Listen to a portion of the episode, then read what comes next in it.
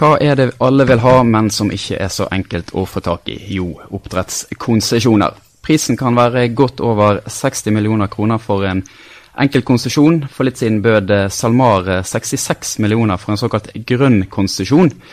Og dette med oppdrettskonsesjoner er et spørsmål som er ytterligere aktualisert gjennom tildeling av eh, bl.a. utviklingstillatelser, der selskapene skal investere 9,1 milliarder kroner ifølge tall Sysla har samlet inn.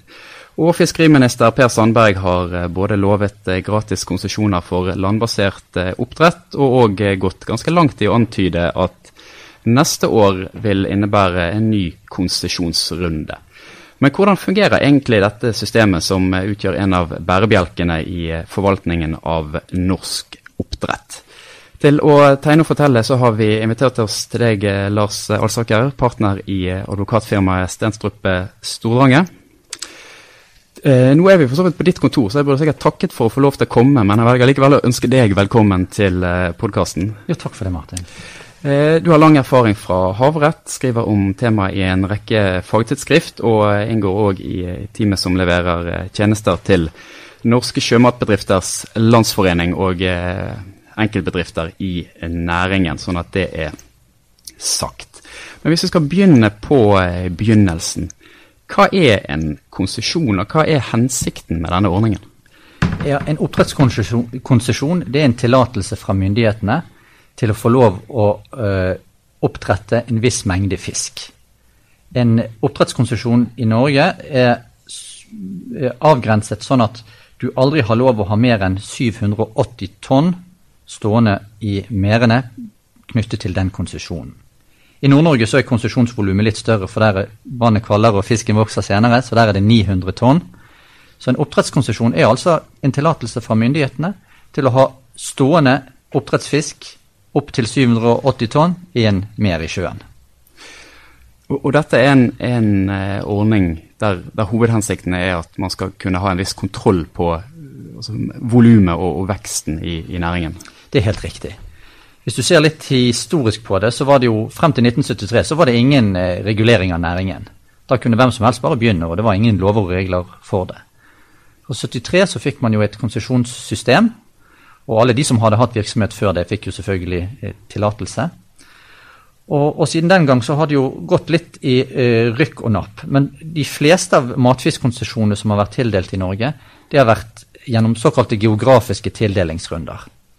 Vil si at hver oppdrettsregion, altså Nord-Norge, eh, Midt-Norge, Vestlandet og sør, har fått et gitt antall konsesjoner. Eh, siste sånn runde som vi hadde, var i 2009.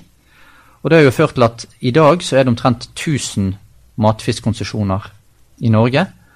Og eh, det årlige oppdrettsvolumet er 1,2 millioner tonn omtrent. Mm. Um,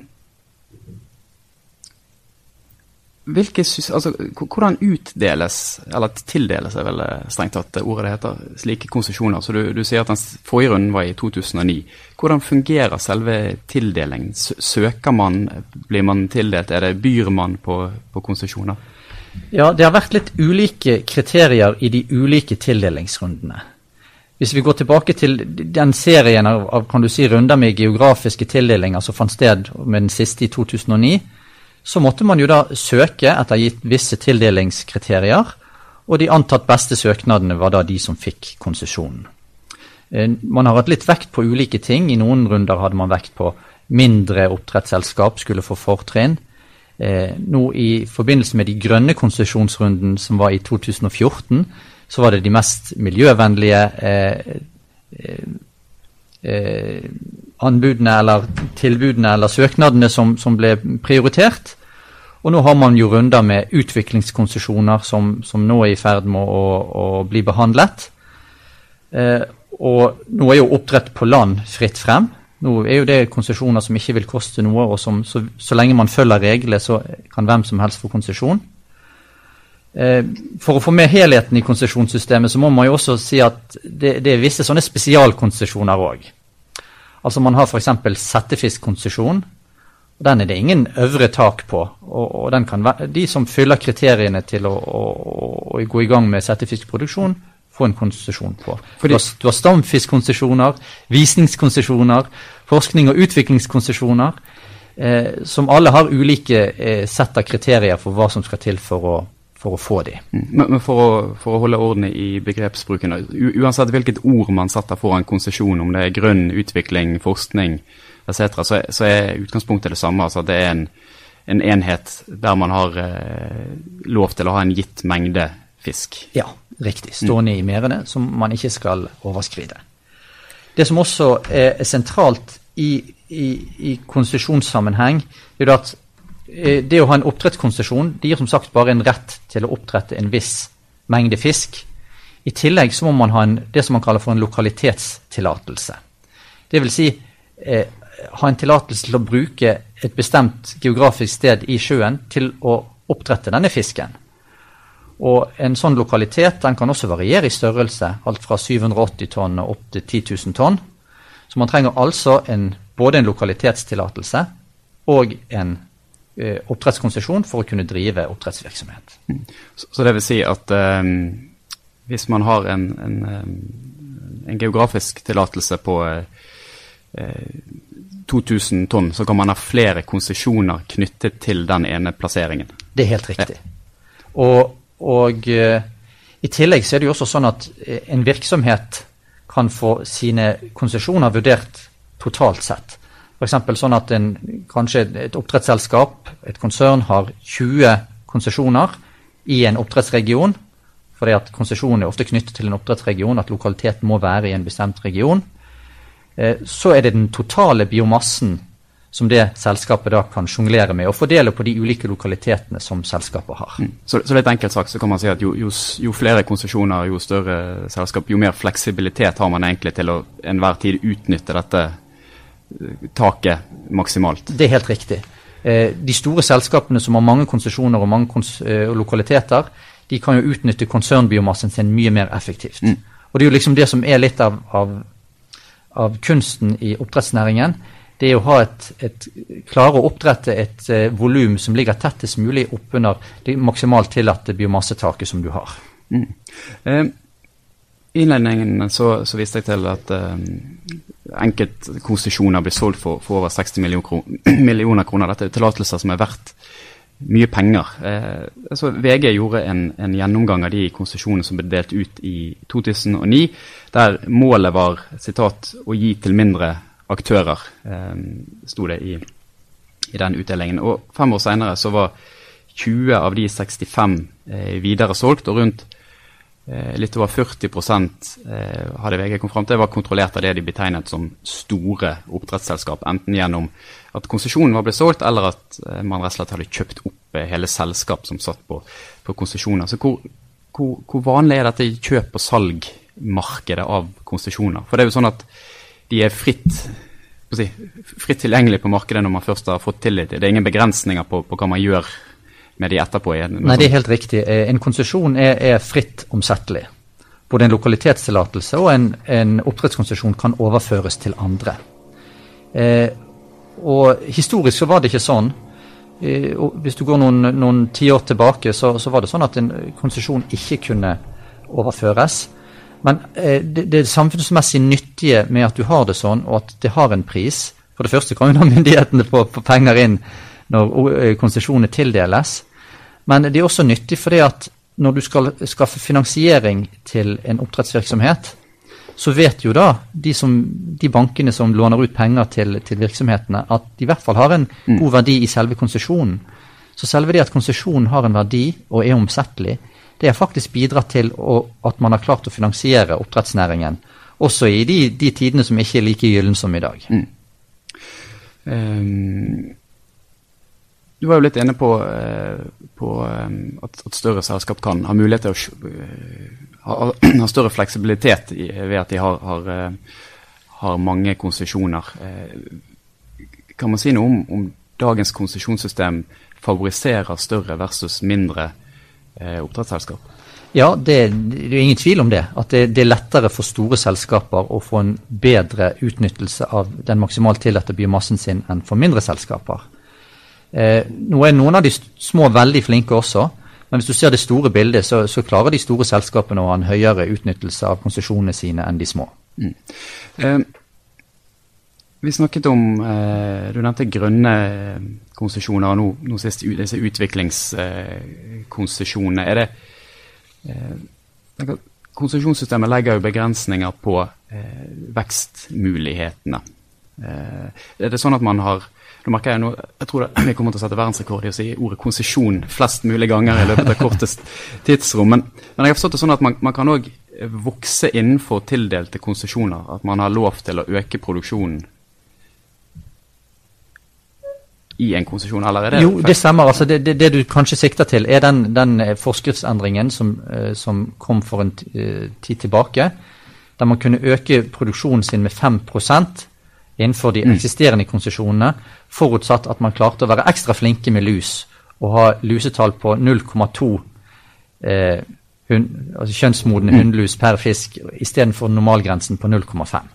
Så med andre ord, hvis man er ekstra flink med lus og klarer å holde lusetallet ekstra lavt, så kan man få lov til å øke produksjonen sin med 5 innenfor de gitte, allerede eksisterende konsesjonene. Mm.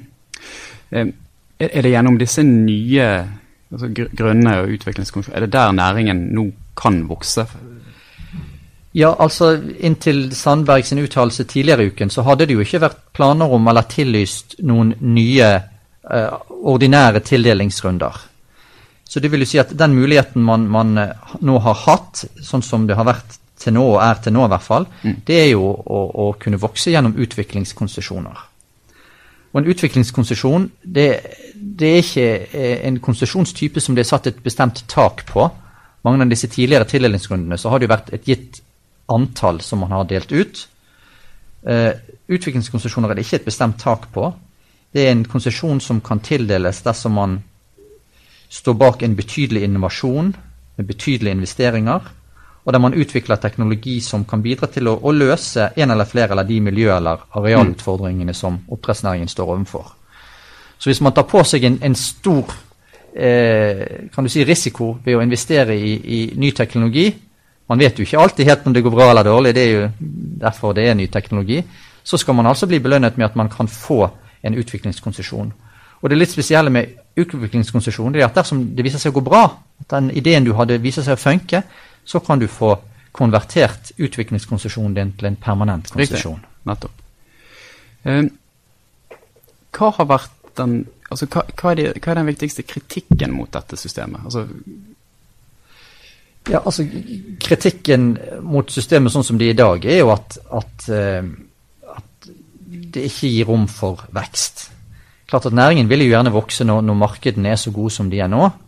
Samtidig så er jo de fleste også i næringen eh, innforstått med at, at, eh, at, vekst må være miljømessig bærekraftig. Det er jo ingen som er interessert i en vekst som, som ikke kan stå seg over tid, og som går utover miljøet. Så diskusjonene går jo mer på, på hvordan eh, hvilke miljøkriterier som er fornuftig å legge til grunn. Og Da er man jo litt over i den eh, diskusjonen som man nå har om dette trafikklyssystemet mm. og disse nye produksjonssonene som har vært vurdert innført. Eh, den nyvinningen går jo på at man lager et system der man eh, deler landet inn i produksjonssoner. Eh, der man innenfor hver produksjonssone vurderer lusesituasjonen, og hvis den er bra, så kan man få vokse litt. Hvis den er som passe, så er det på stedet hvil, og hvis den er veldig dårlig, så er det til og med et skritt tilbake. Ulempene med et sånt system, som, som i utgangspunktet høres fornuftig ut, det er jo at spesielt for de små oppdretterne, som gjerne har all sin virksomhet innenfor det som blir liggende som én produksjonssone, så vil ikke de ha fleksibiliteten til å kunne ta ut produksjonen sin andre steder. Hvis det f.eks. blir problemer med lus eller, eller noe i, i den produksjonssonen. Og det er gjerne ikke du sjøl som har gjort noe galt. Det holder kanskje at naboen har vært slurvete med lus, eller at, at man ut ifra naturlige forutsetninger Det er jo noe, det er naturen som styrer mye av dette, og ikke menneskene selv. At man uforskyldt kan komme i en situasjon der, der den virksomheten du har, rammes veldig hardt, og der du ikke har muligheten til å flytte det andre steder. Mm. Så, så, det vil være en ulempe for, for mange av de små, men også den manglende fleksibiliteten som ligger i at, at produksjonssonene skal være mest mulig selvforsynt med smolt og med brønnbåtkapasitet og slaktekapasitet, det gjør jo at, at det blir vanskeligere å, å, ha stordriftsfordeler også. Ved at man kan flytte ting, at man, smolt, brønnbåttransporter, den type ting, hele logistikken i en oppdrettsvirksomhet. Mm. Så uh, man får enda mindre fleksibilitet egentlig for de, for de mindre aktørene ved, ved ja, systemet? det vil jo være ulempen med et sånt system. Mm. Takk uh, til deg, Lars, for at du var med og oppklarte hvordan dette sinnrike systemet fungerer. Jeg er helt sikker på at vi kommer tilbake igjen til både vekstambisjoner og konsesjoner når Sysla arrangerer panelsamtale 13.6 om utviklingen i havbruksbransjen. Den finner sted på Scandic City Bergen eh, klokken 19 den 13. juni. Altså, mer informasjon finner du på syslalive.no, men vi kan avsløre at uh, deltakerne er Per Grieg junior, styreleder i uh, Grieg Seafood, Einar Vatne fra Evos og uh, Anders Gjennomsjø, som er partner i Deloitte. Eh, og som alltid, søk oss opp eh, i din podkastavspiller og abonner på oss. Ved å søke på Sysla så finner du alle våre podkaster fra en rekke bransjer. Takk for at du hørte på.